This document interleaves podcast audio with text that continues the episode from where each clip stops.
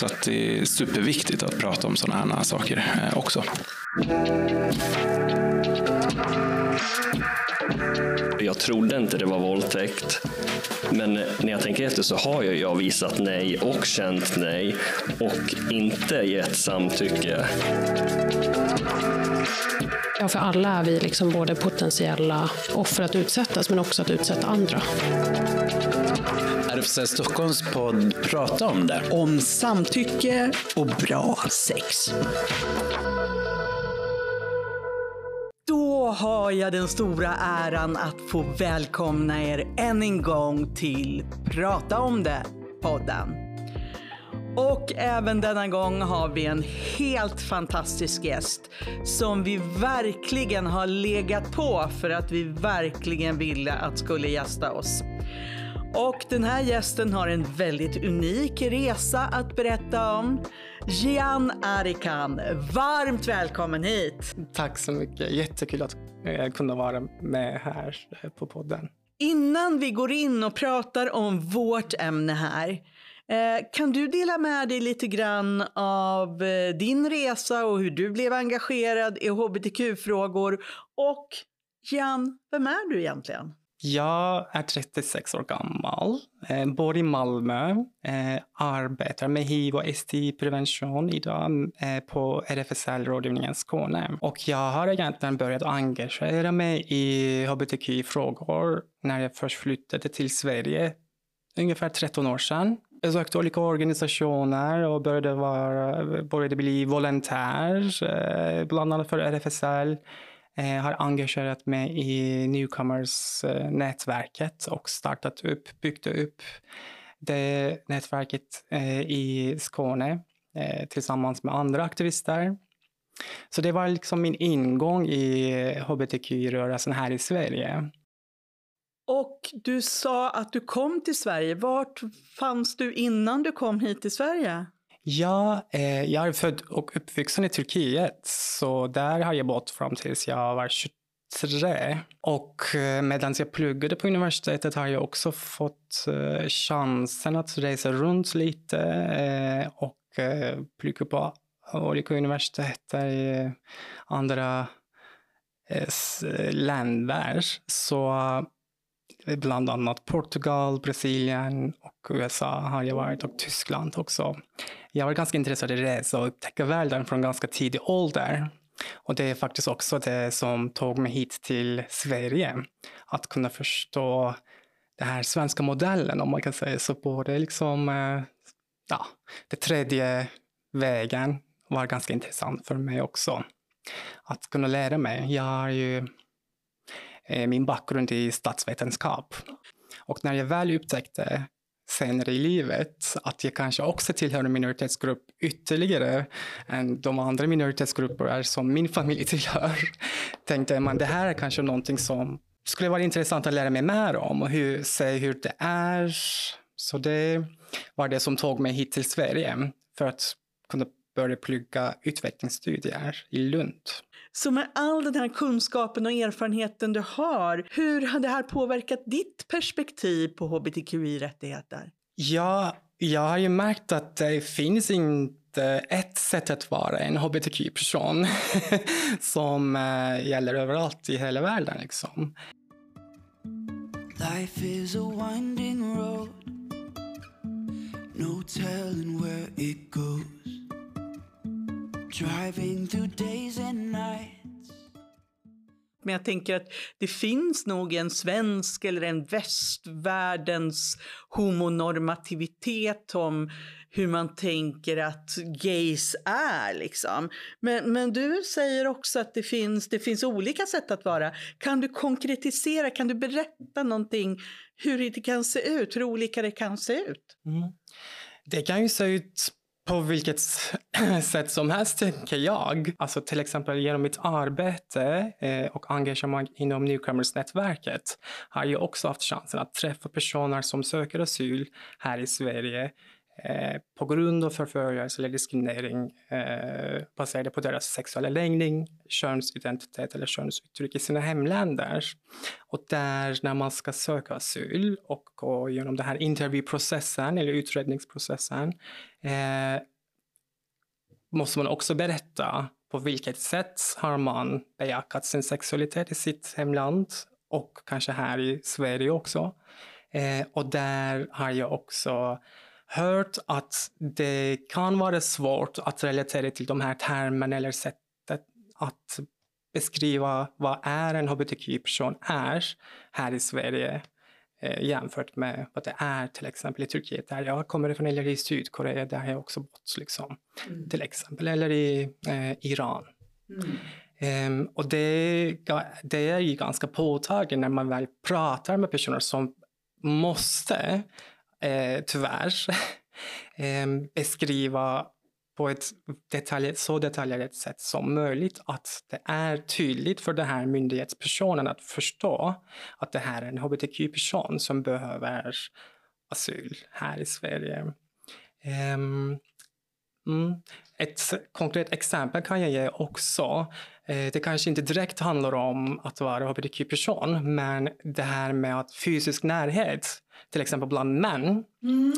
är ju intressant, intressant ämne tycker jag. Där jag kommer kommer ifrån. Alltså I Turkiet är det ganska vanligt att man eh, tar eh, en annan mans arm och går på gatan tillsammans eller håller i handen mm. eller kysser varandra när man hälsar varandra och kramar ganska mycket. Mm. Um, och det är, tänker jag, det som man upplever här som en person som kodas som man. Jag tycker det är jätteintressant det du säger, därför att eh, man kan ju verkligen tänka sig att, att en del svenska män eh, skulle vara väldigt otrygg i sin sexuella identitet när de tänker att om jag kramar en annan man kan jag bli homosexuell. Liksom.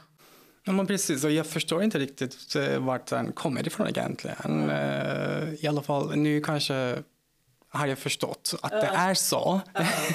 och att jag inte tar det personligt liksom. Men det, det är faktiskt synd tycker jag. Att man ska vara rädd för att kramas sin kompis. Was it all just a dream, just all in my head? Floating rivers upstream, the things that you said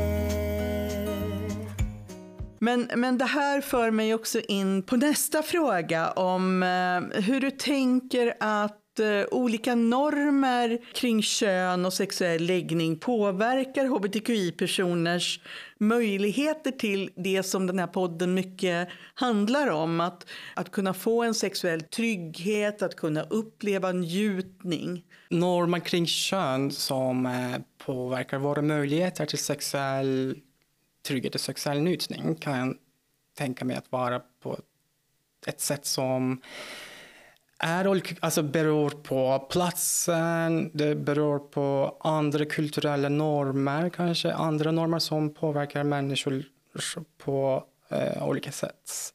Eh, och det, det är någonting som går i hand med könsnormer som också påverkar hbtq-personer. Typ Till exempel en feminin bög eller en eh, lite mer maskulin transperson. Hur vi upplevs av andra påverkar också hur vi är nöjda med våra liv.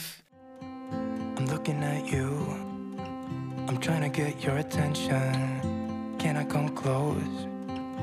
I don't know how to play this Our hands touch once or twice Feeling kind of när vi avviker från normen blir vi också synliga eh, och samtidigt sårbara i vissa eh, stunder. Och det är något som påverkar vår trygghetskänsla. Det kan också påverka hur vi formar relationer med varandra som hbtq-personer. Eh, jag är en sån bög, jag är inte en sån där bög så jag kan inte umgås med de andra eller de kanske inte tycker att det skulle passa in i det sammanhanget eftersom jag klär mig på det här sättet eller jag kanske pratar på ett annat sätt än jag är inte så jag är lite feminin och jag inte går på gym, jag är inte så stor, alltså det kan ju handla om vilket så, eh, sätt som helst. Upplever du att det finns någon form av hierarkier där? Att vissa, vissa sätt att vara på är, eh, ses som mer eh, attraktiva eller ses som mer eftersträvansvärd? Eller finns det liksom någon hierarkisk uppdelning där? Ja, det kan man absolut säga. Eh, samtidigt det finns ju kanske lite mer medvetenhet kring de här frågorna just eh, nu i alla fall eftersom vi har eh, kommit ganska långt ändå tycker jag när det kommer de här frågorna. I alla fall i vissa kretsar inom community. Det är ju svårt att generalisera såklart. Ja, det finns absolut subkulturer eller grupperingar eller eh, ja, olika kretsar som inte annars träffar varandra. Eh, och det är ju också någonting som hänger ihop med att det inte finns eh, fysiska mötesplatser för alla hbtq-personer som kan, alltså regelbundna eh, träffar till exempel. Och det är också någonting som påverkar man kan ju också undra, eller det är något som jag undrar, om det finns ett hbtq-community och vad det betyder mm. för oss som individer. Mm. På vilket sätt jag identifierar mig som en hbtq-person i det här rummet betyder kanske inte att jag ska också göra det på ett annat rum eh, som en hbtq-person. Ja. Och det, det är någonting som kanske vi börja prata lite mer om, tycker jag. Ja. På vilket sätt har vi gemensamma mål? Kan du uppleva att det blir lite trångt ibland? Ja, men precis. Det kan ju vara så, absolut. Eh, det kan också handla om det här med gatekeeping.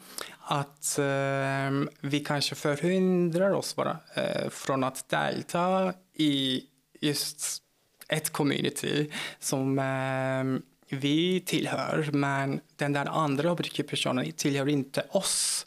Eh, eller liksom ifrågasätter varför finns det här på våran klubb. Sådana saker kom, förekommer. De flesta av oss har upplevt det på ett mm. eller annat sätt. Så som att det skulle inte finnas plats för en person som inte precis lika som oss eller kanske inte har sexa, samma sexuell läggning eller könsidentitet eller könsuttryck så som oss att vi ifrågasätter också ja, tillhörigheten. Varför är du här?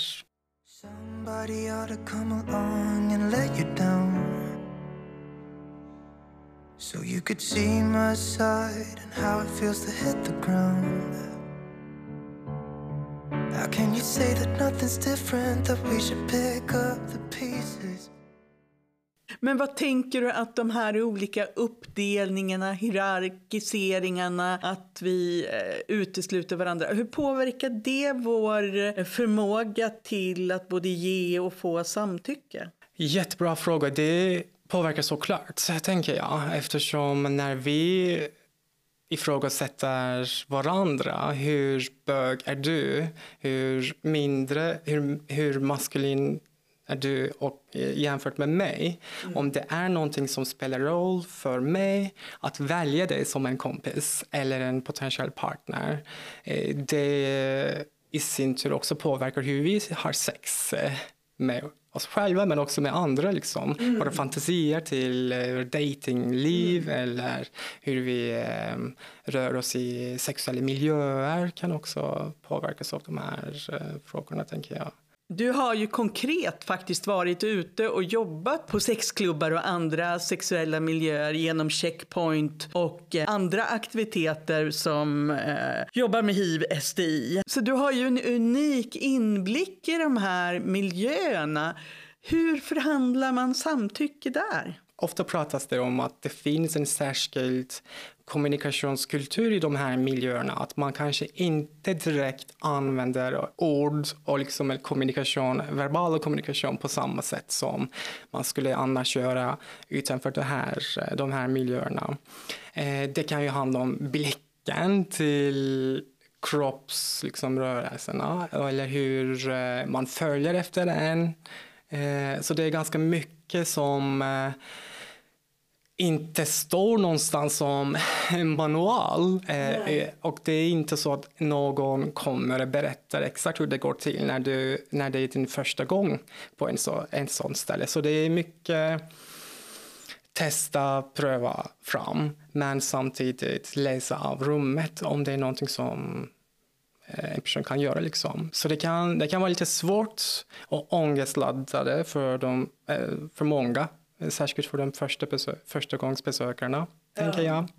Men jag har också upplevt att just de här miljöerna brukar vara mycket, mycket mer välkomnande och medvetna om de här eh, gränserna som finns. Och det är någonting som, alltså utanför de här sexuella fysiska miljöerna, händer också på digitala sexuella miljöerna eller där datingapparna. Det är ganska vanligt nu för tiden för de flesta att skriva exakt vad man gillar eh, på sina profiler, till exempel på date, vissa datingapparna står det öppet. Och då får man inte ens behöva kanske fråga personen eh, vad går din gräns, utan det kanske står utförligt där. Men jag gillar puppy play och till exempel. Maybe I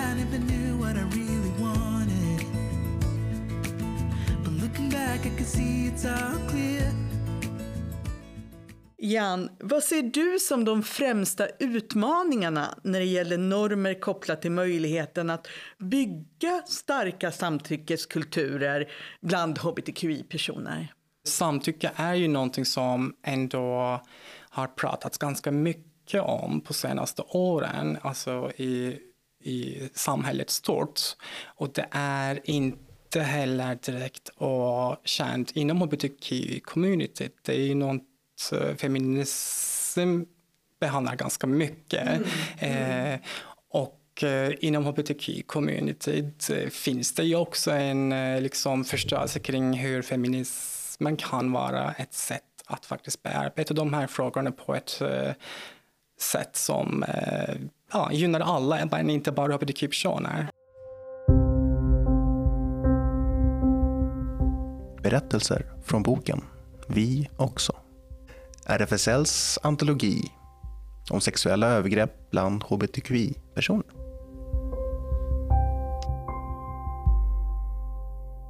Det är en mild sommarnatt jag kommer hem från middag hos en kompis. Jag är uttråkad, inte ens full. Men det är för tidigt för att gå och lägga sig, så jag öppnar Grindr på mobilen. En person med en blank profil, diskret, utan bild eller andra detaljer, börjar prata med mig. Är du intresserad av att träffas? skriver han och skickar mig några bilder på honom. Han är medelålders. Inte speciellt attraktiv, men välformad. Varför inte? Det var inte första gången jag träffade någon från Grindr. Men jag skulle inte säga att jag gör det regelbundet heller. I värsta fall brukar det bli tråkigt sex. Som glöms bort efter att man gått och lagt sig.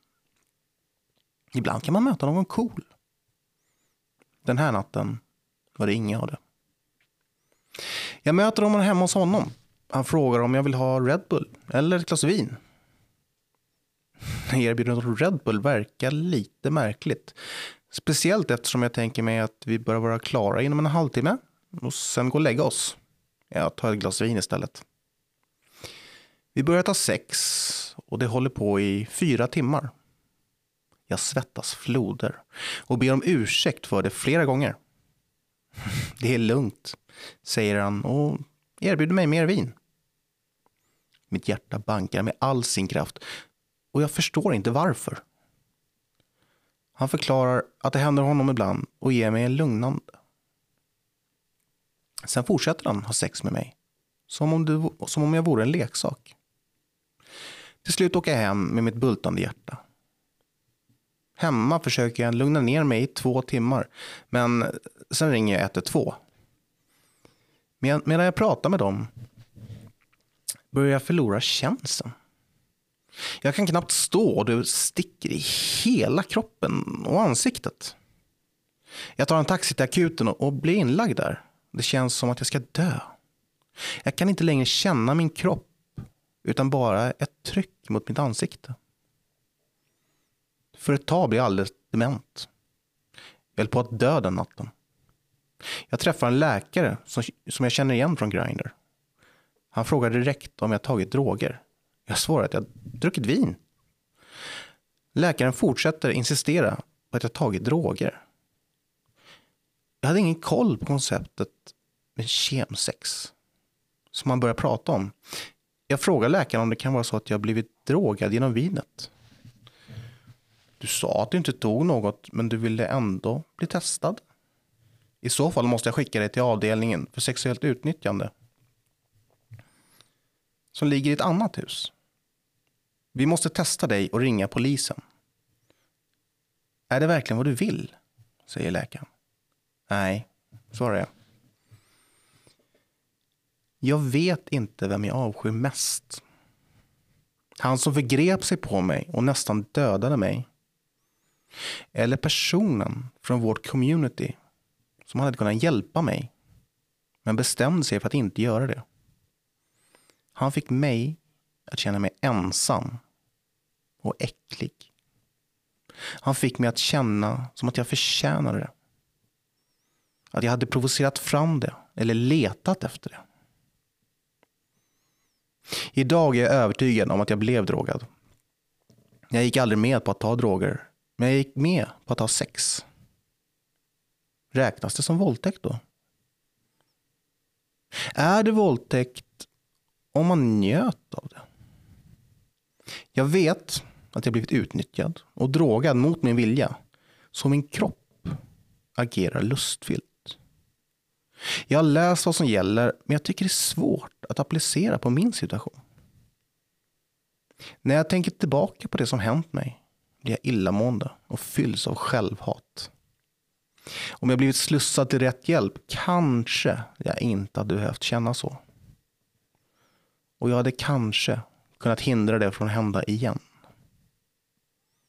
I fjol såg jag min förövare på ett underground-party. Jag frös till. Visste inte vad jag skulle göra, så jag gjorde inget. Bara låtsades som att han inte var där. Det gör mig illamående att ens tänka på att han stryker omkring i Stockholm. Och det gör mig ännu mer illamående att tänka på att jag troligen inte var hans första offer. Förmodligen inte hans sista. Vad kan jag göra åt det?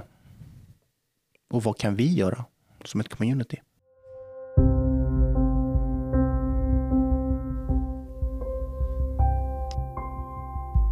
Eh, vad tror du att är de viktigaste stegen då som vi behöver ta för att skapa en trygg och inkluderande miljö eh, för alla när det gäller sexuellt samtycke och sexuell hälsa inte minst, mm. som du jobbar mycket med? Mm. Det är ju jätteviktigt att kunna sätta ord på saker och det gör man, tänker jag, genom att prata med varandra.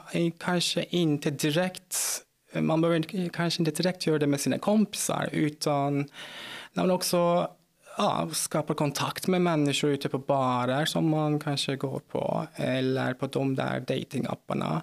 Det kan ju också vara en eh, möjlighet eh, för oss att eh, ja, skapa de här eh, trygga miljöer eh, och samtyckeskulturer också. Och det finns ju också någonting som jag tänker att kan vara lite utmaning i eh, vägen till att skapa de här starka samtyckeskulturer eller ja, kommunikationskanaler. Mm. Liksom. Och det är ju det här med tystnadskulturen som vi måste prata mer om. Att om det händer någonting, till exempel om en person går min gränser på ett sätt kan jag då eh, känna att men det är hemskt, jag mår inte bra, men jag vågar inte säga, eh, säga eller prata om det just med andra inom communityt eftersom de känner ju han, honom också. Mm. Alla känner varandra och om det är jag som eh, uttalar liksom, negativa saker som har hänt mig inom just den här communityt mm. eller de här vänskapskretsen blir det också jag som inte kanske eh, den trevligaste personen att ha med i rummet eftersom jag har lite historier med den där personen som inte är så rolig att liksom uh, ha. Och det är någonting som faktiskt vi eh, måste jobba vidare med, tycker jag, som community. Vi måste prata om också känsliga och svåra saker som händer oss som individer, men också saker som påverkar oss som community. Ehm, mm. Ja, det är ju oerhört viktigt och det är ju som du säger, jag delar din uppfattning om att det till viss del finns en tystnadskultur och det har ju delvis också en förklaring i att eh, många hbtq-personer har ju känt liksom att eh, ja, men hbtqi-världen har ju ibland ett lite dåligt rykte och sådär och man vill, man vill skydda de ena. Liksom, man vill inte tala om att det händer eh, sexuellt våld eller en våldtäkt eller ett övergrepp. Liksom. Det, det blir på något sätt för mycket och det kan också vara svårt att komma. Först måste jag komma ut som hbtqi och sen måste jag komma ut som att jag har blivit utsatt för sexuellt våld. Det kan vara ett stort steg att ta. Absolut, ja, precis. Mm. Och där behöver vi jobba också för att miljöer inte ska vara så heteronormativa utan det ska vara lättare att prata om det här också. Ja, ett, exempel, alltså ett personligt exempel kan jag ge just uh, från i år i Malmö Pride. Jag och Susanne har ju varit uh, med på ett panelsamtal tillsammans uh, just om samtycke inom hbtq-communityt. Och efter det samtalet eh, gick jag till en eh, klubb eh, som var för queera personer och blev tafsat på faktiskt. Ah. Mm. Precis, inte ens, inte bara en gång utan två gånger efter jag sa ifrån eh, att sluta, det här gillar jag inte och gör personen samma sak igen efter två minuter när jag pratar med mina vänner. Och det är någonting som faktiskt förekommer ganska ofta, eh, tyvärr fortfarande.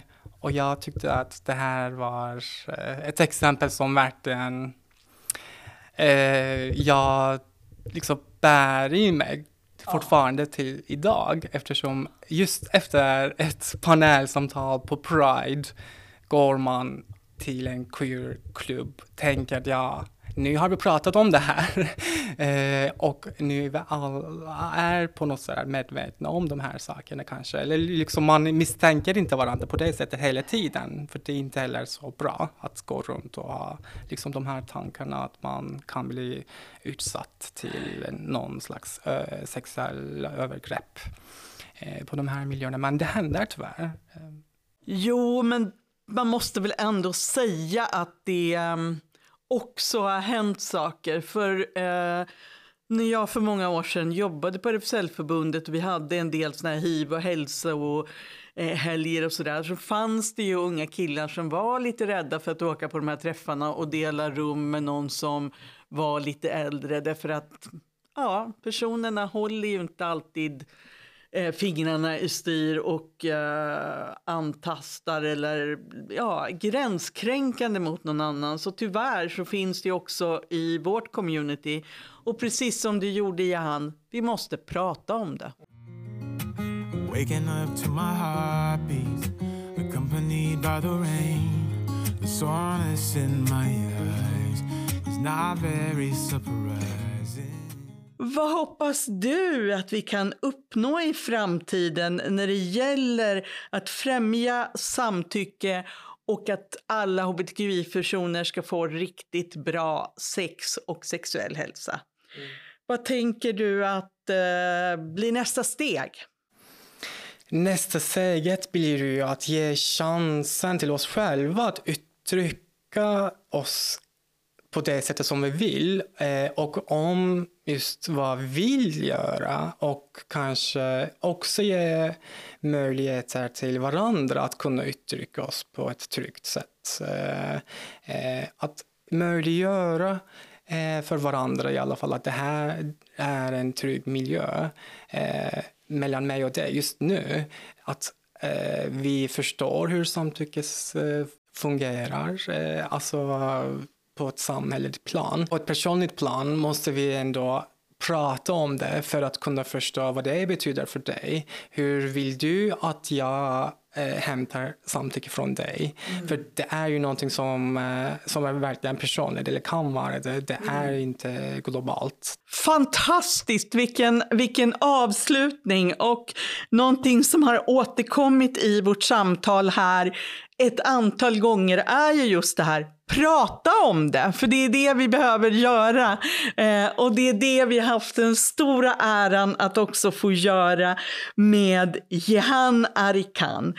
Tusen tack för att du har delat dina erfarenheter, dina kunskaper, dina visioner. Tack så jättemycket. Jättekul att vara med här. Eh, Yes.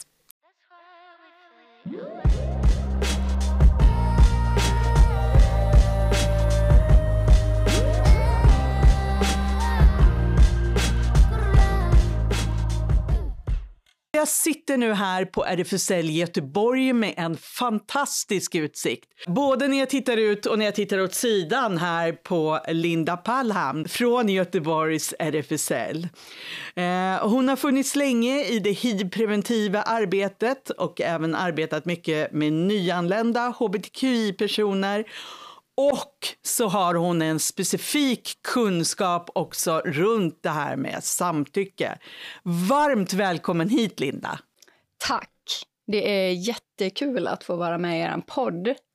Eh, och jag är superglad att vi ska prata om samtycke idag. Vill du berätta lite grann för våra lyssnare? Vem är du och vad gör du här på RFSL Göteborg? Men till vem är jag då? Det måste vara den absolut svåraste frågan för att jag i mitt huvud inte vet exakt vad jag skulle svara. Men jag menar, någonting som skulle vara kul att veta. Jag menar, jag själv är ju en hbtq-person. Um, jag brinner verkligen för frågor som handlar om sexuell hälsa och kring sexualitetsfrågor. Um, jag håller på att utbilda mig till sexolog, precis som du är, Susanne. Eh, men jag håller också på att utbilda mig till traumaterapeut därför att jag tycker att det finns väldigt många frågor inom vårt community som är superviktiga att ta i. Och det handlar om frågor som jag tänker utifrån min profession är sammankopplade med sexualitet. Mm. Eh, där många människor bär på mycket erfarenheter som inte har pratats om, Eh, som inte har satts ord på. Eh, och många människor som kanske inte heller har hittat en plats dit man skulle kunna söka sig för att kunna prata om de erfarenheter som liksom inte, ja, men som inte har fått liksom komma fram i ljuset ännu. Du var ju en av dem som jag vände mig till i början på det här projektet för att just prata om samtycke och vad det är och sådär. Hur kommer sig att du har ett sånt stort engagemang i frågor om samtycke och vad var det som förde dig in på den här vägen? Det var faktiskt en väldigt bra fråga tycker jag. Um, jag tror att liksom efter att ha jobbat med Checkpoint under väldigt många år, både liksom själv att jobba med testning och möta människor i den situationen, men också att handleda all min personal som ju faktiskt också möter människor i testningssituationer, så började jag se se saker eller liksom börja koppla ihop grejer som mm, tendenser kanske som man kunde se liksom på mottagningen. Och det i början så tror jag att jag liksom, det, du vet, det var bara liksom en grej någon gång då och då. Och det var kanske inte liksom hela världen på något vis. Att det, det fanns människor som inte kunde sätta ord på sina erfarenheter eller liksom kom, kanske kom liksom för att testa sig och var uppenbart superoroliga. Och liksom när man väl liksom hade ett samtal med dem och liksom letade lite efter som, vad, är, vad är orsaken till att man är här och sådär. Jag menar, då handlar det ju såklart oftast om oskyddat sex och, och, och, det, men, men att den erfarenheten som var kopplad till det kunde man liksom nästan känna i rummet att det växer liksom som en rosa elefant som ingen sätter ord på. Någonting som inte känns bra och den här personen kan inte uttrycka det i ord för den har inga ord för att säga vad det är den har varit med om. I was old, I was young, I was sitting in the sun. I was tired of the run, I was done.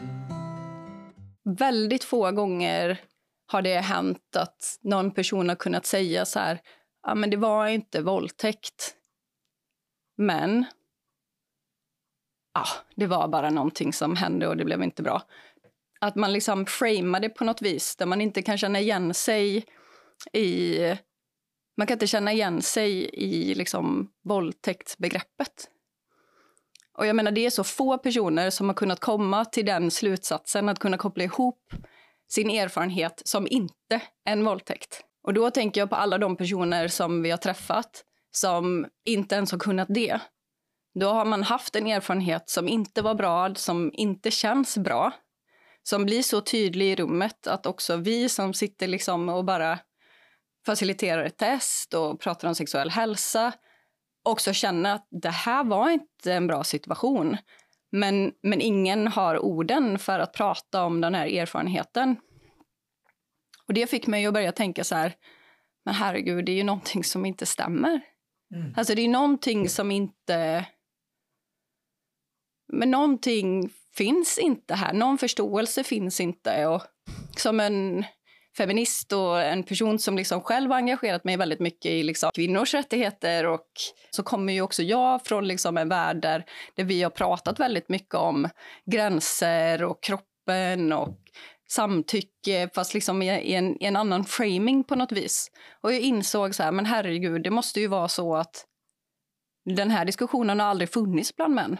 Och den har aldrig funnits bland bögar. Det är ingen som har pratat om detta och det känns så sorgligt. Um, och jag tänker om det är någonting som jag vill bidra med, förutom liksom alla andra saker som jag gör i det här communityt, så vill jag verkligen kunna hitta ett sätt där vi ska kunna prata om erfarenheter, sexuella erfarenheter som inte blev bra. Och det betyder inte att alla erfarenheter som inte är bra är våldtäkt. Men, men det betyder ändå att vi behöver kunna prata om dem och kunna sätta ord på dem och kunna beskriva vad är det för mig själv? Hur har det påverkat mig?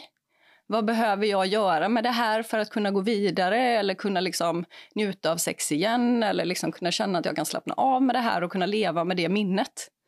Istället för att det bara ska bli typ en någonting som man inte sätter ord på och sen så bara finns det där. Jag vet inte ens vad det gör med människor som inte ens kan sätta ord på det. Vilka specifika utmaningar ser du just att jobba med gruppen bögar eller män som har sex med män? Eh, finns det någonting specifikt där som du ser som är eh, eh, speciellt utmanande? Jag tänker att det finns en bild av att eh, man kanske inte skulle vilja prata om samtycke. Men jag är inte så säker på att det är så. Jag tror kanske liksom att så som communityt är och liksom den kultur som finns just nu så, så är samtycke liksom inte kanske direkt ett samtal som man har. Jag tror att det finns i vissa forum och i vissa grupper, absolut, där det liksom pratas om väldigt mycket.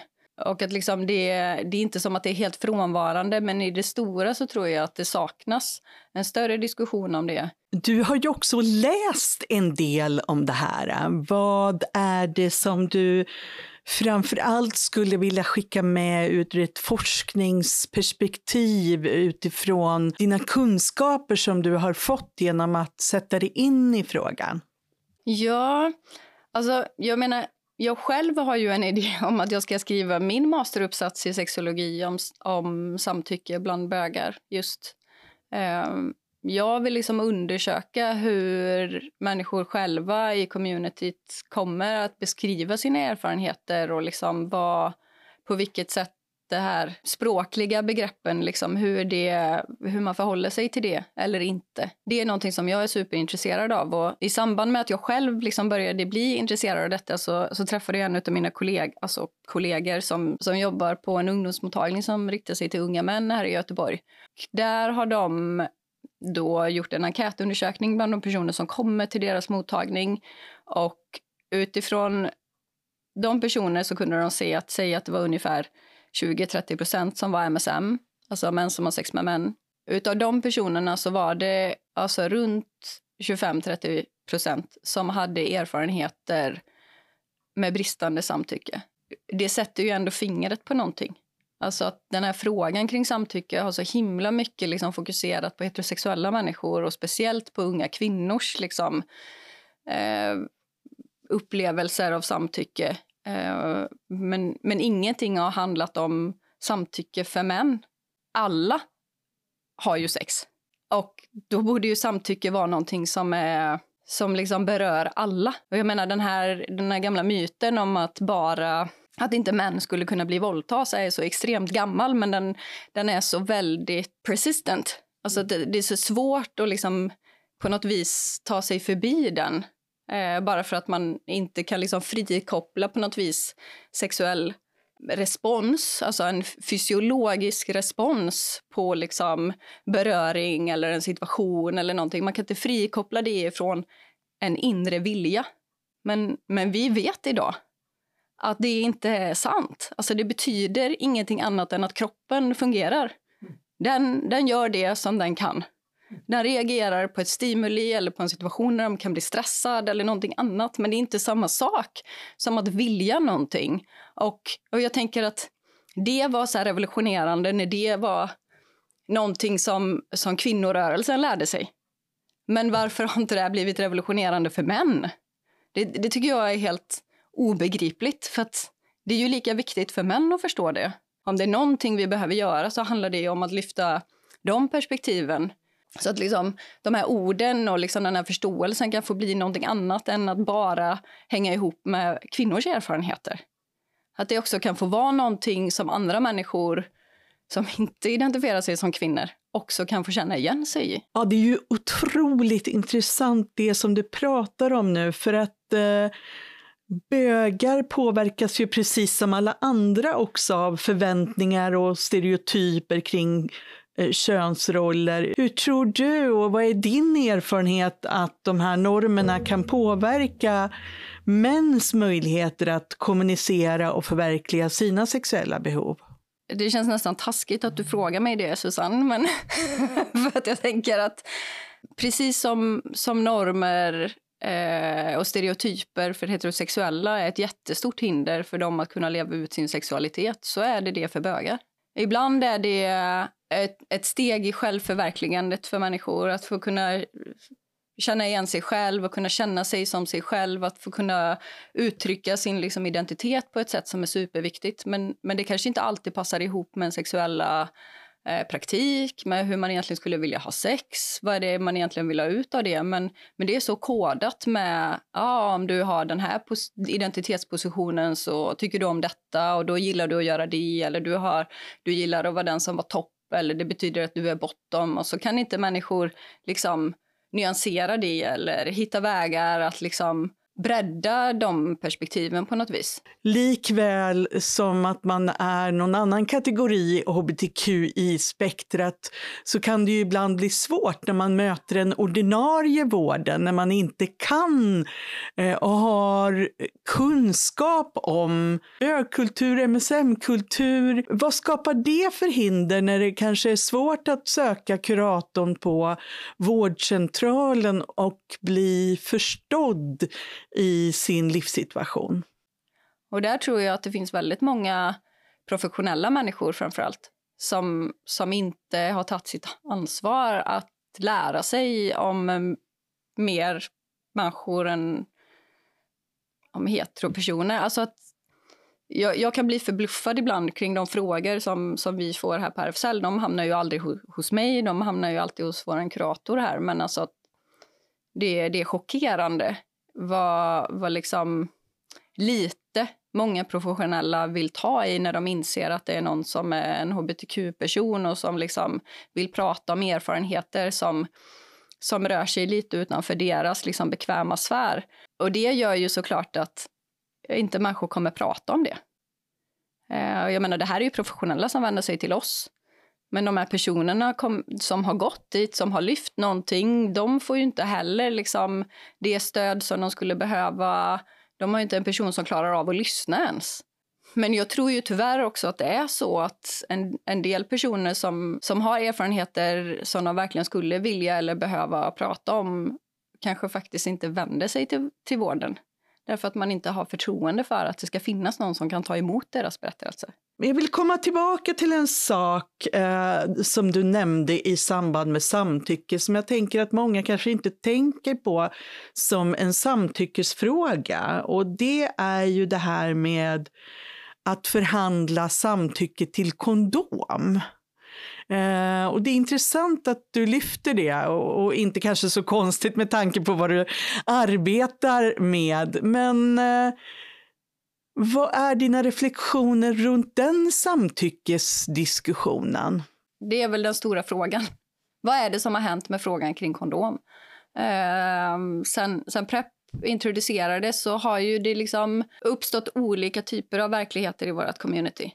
Och det finns de som säger att det är bara PREP som funkar. Man kan inte ligga om man inte går på Prep.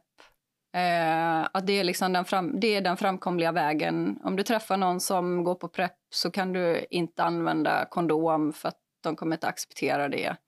Och sen finns det andra personer som lever i precis samma land, samma stad kanske till och med, som säger att nej men vadå, jag använder kondom hela tiden, det är inget problem. Jag bara säger att jag vill ha kondom och då blir det kondom.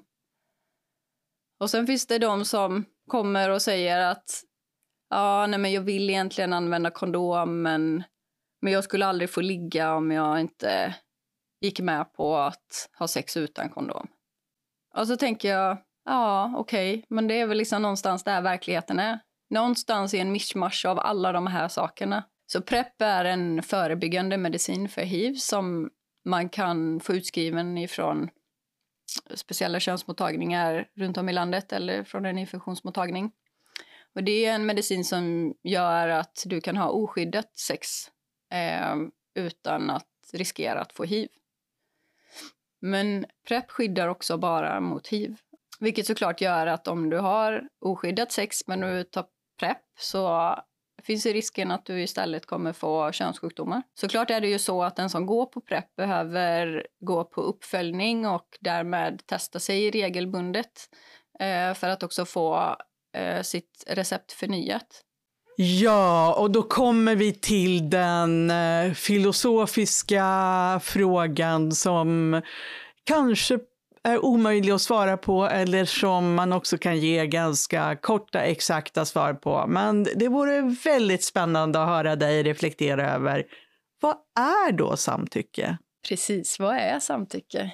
Jag tänker mig att samtycke handlar om att jag vet vad det är jag vill och vad det är, att jag vet var gränsen går för vad jag accepterar och att det som är utöver det på något sätt inte är saker som jag samtyckt till.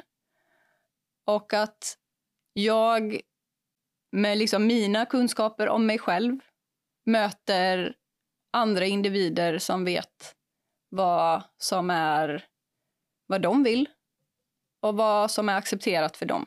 Och att i det mötet på något vis förhandla kring vad innebär det att vi kan göra och vad vi kan utforska och hur långt vi kan gå. Ja, men tack så otroligt mycket Linda för att du delade med dig av din kunskap och erfarenhet idag.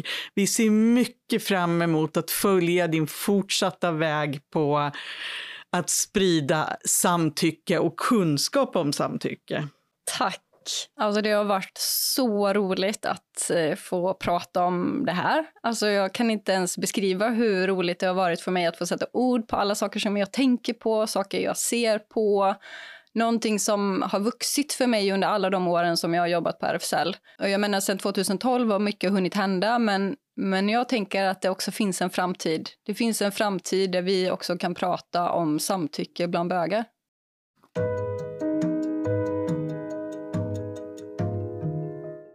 Har du blivit utsatt för våld, hot eller trakasserier? Som hbtqi-person kan du få hjälp på RFSLs stödmottagning. Ring 020-34 1316 eller skicka ett mejl till stod.rfsl.se.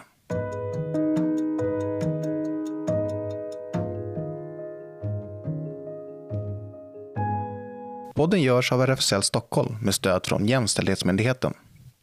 Producent är Emma-Lina Pascal.